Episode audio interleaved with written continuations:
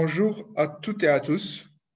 Bonjour. Aujourd'hui, nous allons parler sur deux sujets importants qui apprennent la scène politique turque. Le premier étant les manifestations à l'université de Boğaziçi et le deuxième, la recherche d'alliance d'Erdogan et de sa coalition. Commençons par euh, les manifestations, les revendications étudiantes à l'université de Boğaziçi. Est-ce que tu peux nous raconter le dernier déroulement de cet événement historique dans la scène politique turque Oui, on avait déjà raconté l'histoire de la nomination d'un lecteur pro-AKP, Melih Boulou, qui est un homme politique au sein du parti du pouvoir. Et les manifestations des étudiants et des enseignants continuent en face de cette nomination. Tout d'abord, il faut noter que les enseignants maintiennent leurs protestations en tournant le dos au bâtiment administratif de l'université. Et de plus, il y a une boycott nommé pour les postes administratifs à l'université. Boulou n'a pas pu recueillir une cadre pour fonctionner l'université. De la part des étudiants, un rassemblement à Kadıköy, à Istanbul, après les appels de la solidarité de Boazici, a été empêché par les forces de sécurité intérieure le 2 février. La violence massive de la police dans cet événement a incité la colère des citoyens et consolidé ceux qui supportent les revendications des étudiants. Le jour avant hier, tous les étudiants qui sont mis sous garde par la police ont été libérés sous conditions comme l'interdiction de voyage. Il y a toujours des procès à Istanbul pour la revendication de l'arrestation par le procureur lorsqu'on enregistre ce podcast. Au cours de ce processus, la répression contre les jeunes précaires en Turquie il y a un autre débat autour du rôle de l'opposition dans cette campagne de l'arrestation. Oui, désormais, la violence policière augmente. Chaque jour, on voit des interventions policières, euh, bureaucratiques, inédites en Turquie depuis quelques années, qui ciblent les étudiants, euh, la communauté LGBTI et bien sûr le reste de l'opposition anti-AKP. Erdogan, il a déjà adopté, euh, comme toujours, un discours des terroristes ça veut dire que les manifestants à l'université de, Boaz, de Boğaziçi ne sont pas des étudiants, mais des terroristes. De plus, son allié number one, euh, Devlet Bahçeli, il a évidemment un committeur la crime de haine, de la haine envers ses étudiants. Il a dit qu'ils sont des serpents qu'on doit tuer. Ils sont des, je sais pas, des, des hérétiques, des infidèles, comme le ministre des, des Affaires intérieures qui cible directement la communauté LGBT. Et on a vu que même l'administration de président Biden a commencé à agir devant ces insultes, euh, ces menaces et évidemment cette crime de la haine. Chaque jour, on voit à Istanbul, à Ankara, à Izmir, à Samsun, des étudiants battus, frappés par la police. De plus, les autres députés, porte-parole du parti du pouvoir, augmentent la tension, revendiquent euh, agissent comme ils sont des terroristes encore fois, euh, comme des hérétiques qui ciblent l'islam, vu que la situation économique, politique, diplomatique n'est pas suitable pour Erdogan et son parti maintenant. Euh, je pense qu'ils vont essayer de manipuler ces, manifestations pour ramasser, re-ramasser son base électorale. Lorsque l'Alliance du peuple attaque les étudiants de l'université de Boazici et l'opposition principale, GHP, adopte une politique pacifiste et parfois obéissante en face de cette crise. Le porte-parole du parti d'opposition principal, Faik Öztrak, a déclaré qu'il n'accepte pas les humiliations contre les valeurs sacrées de l'humanité en indiquant une œuvre offerte dans une exposition dans le campus de l'université de Boazici. Puis, le président de GHP, le Parti républicain du peuple, Kemal Kılıçdaroğlu, a déclaré qu'il y a une provocation dans la manière de l'exposition d'une photographe du lieu sacré musulman Kaaba et il appelle aux forces sécurité intérieure d'arrêter ce qui a ajouté cette photographe dans l'exposition des étudiants. Ici, on voit une soumission de l'opposition principale qui est, entre guillemets, laïque et républicain, dont les sujets épineux qui s'intéressent beaucoup le gouvernement. Après une série de l'échec Dans les confrontations avec les gouvernements dans la sphère culturelle, l'opposition a adopté cette politique obéissante afin de parler beaucoup sur l'économie. Le parti d'opposition principal désire que la crise économique en Turquie va devenir le clé pour destituer le gouvernement. C'est la raison pour laquelle toutes les attaques contre la République, contre les valeurs de la démocratie en Turquie sont hors de sujet de la politique actuelle en Turquie. De plus, euh, tu as vu aussi le comportement des maires de deux grandes villes turques, Istanbul et Ankara, qui sont acceptés comme des candidats potentiels face à Erdogan dans les futures élections présidentielles. Ils n'ont pas réagi, ils n'ont pas euh, soutenu ces étudiants euh, lors de leur manifestation. Et après plus de 16 heures, Ekrem İmamoğlu, le candidat favori pour des milliers de personnes, a partagé un tweet qui sert à rien un jour après, le maire d'Ankara, Mansour Yavaş, a écrit une lettre ouverte à Melih Boulou en suggérant qu'il démissionne. Euh, mais ce n'est pas évidemment suffisant pour euh, soutenir ces étudiants.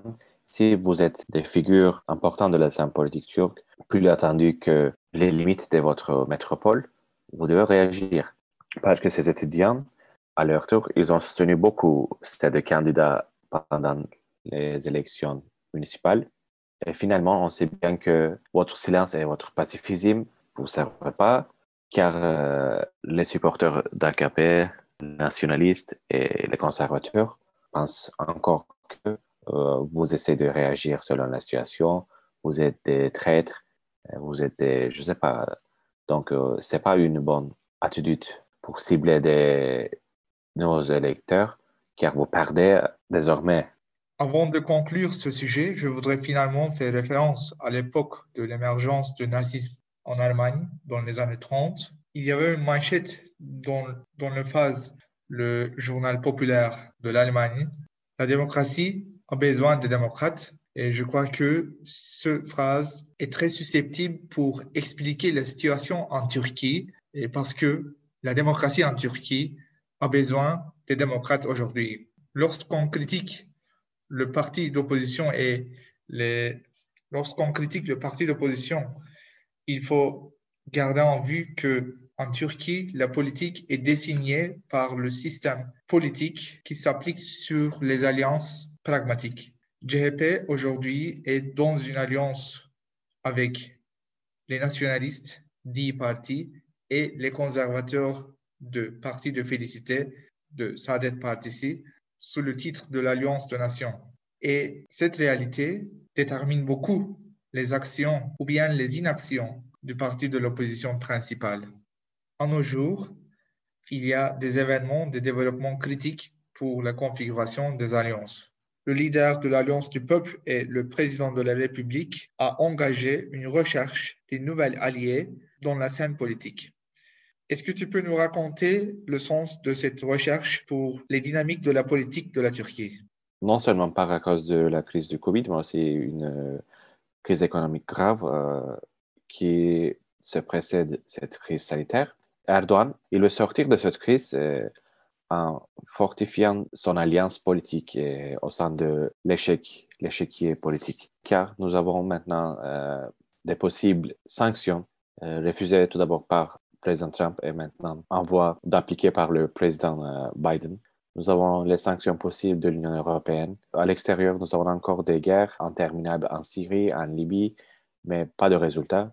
À l'intérieur, les prix des alimentaires, des nourritures et des biens euh, sont en augmentation forte.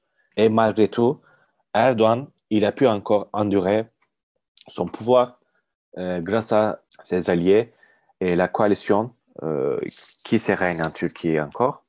Normalement, la coalition, l'alliance du peuple, c'est composé par l'AKP, le parti d'Erdogan, le parti du mouvement nationaliste MHP et un autre parti négligeable, encore nationaliste islamiste.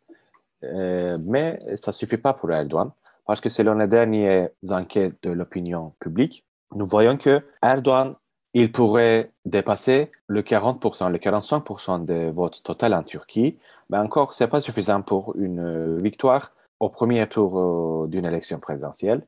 De plus, le vote total de ces trois partis à peine à dépasser euh, le 40%. Nous, savons des écritures des journalistes proches à Ankara et aussi comme des analystes comme Murat Yetkin que Erdogan et son administration veulent changer euh, le système électoral euh, en, diminuant le vote minimum pour un parti à entrer à l'Assemblée, y compris les barrages électoraux.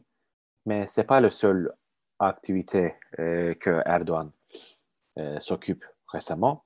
Euh, comme tu as dit, ils sont en train de chercher de nouveaux alliés. Et ce sont surtout les partis qui sont dans l'Alliance des Nations, donc dans l'opposition avec JHP, et ce sont les partis de félicité, conservateurs islamistes, et bon parti, encore parti séculaire nationaliste. On sait bien que parmi les rangs de bons partis, il y a encore des députés, des politiques qui sont proches à MHP, qui partagent euh, des idées proche à celle de Devlet Bahçeli, de son groupe euh, idéaliste de Bozkurt, qui euh, admire encore Erdogan comme un président, comme un euh, strongman, un, homme fort, comme un homme fort.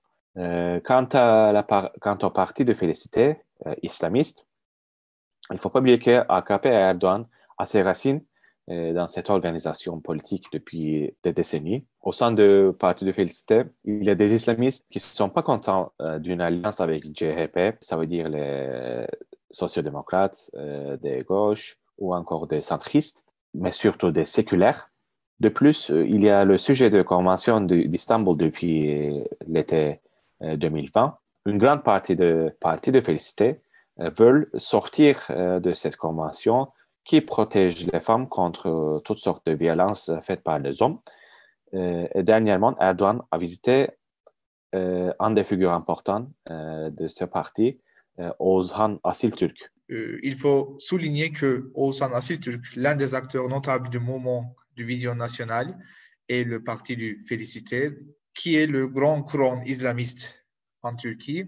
Et il est camarade politique de Necmettin Erbakan, ancien Premier ministre et le leader fondateur du, des partis islamistes depuis les années 1960.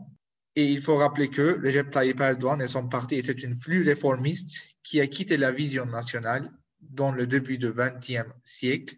Depuis cette division, le parti du Félicité était une partie d'opposition sous le leadership de Necmettin Erbakan et après de ses successeurs. Donc cette visite d'Erdogan représente une recherche pour une alliance avec son parti d'origine, malgré avoir une part de voix très limitée, autour de 1%. Le parti de Félicité a un effet plus important dans la sphère politique en Turquie. Ce parti islamiste légitime, entre guillemets, la position culturelle de l'opposition contre les attaques conservateurs et nationalistes par l'Alliance du peuple. Et finalement, je pense que on peut considérer les provocations autour des manifestations de l'Université de Boğaziçi dans le cadre de cette recherche de l'AKP dans son quartier culturel.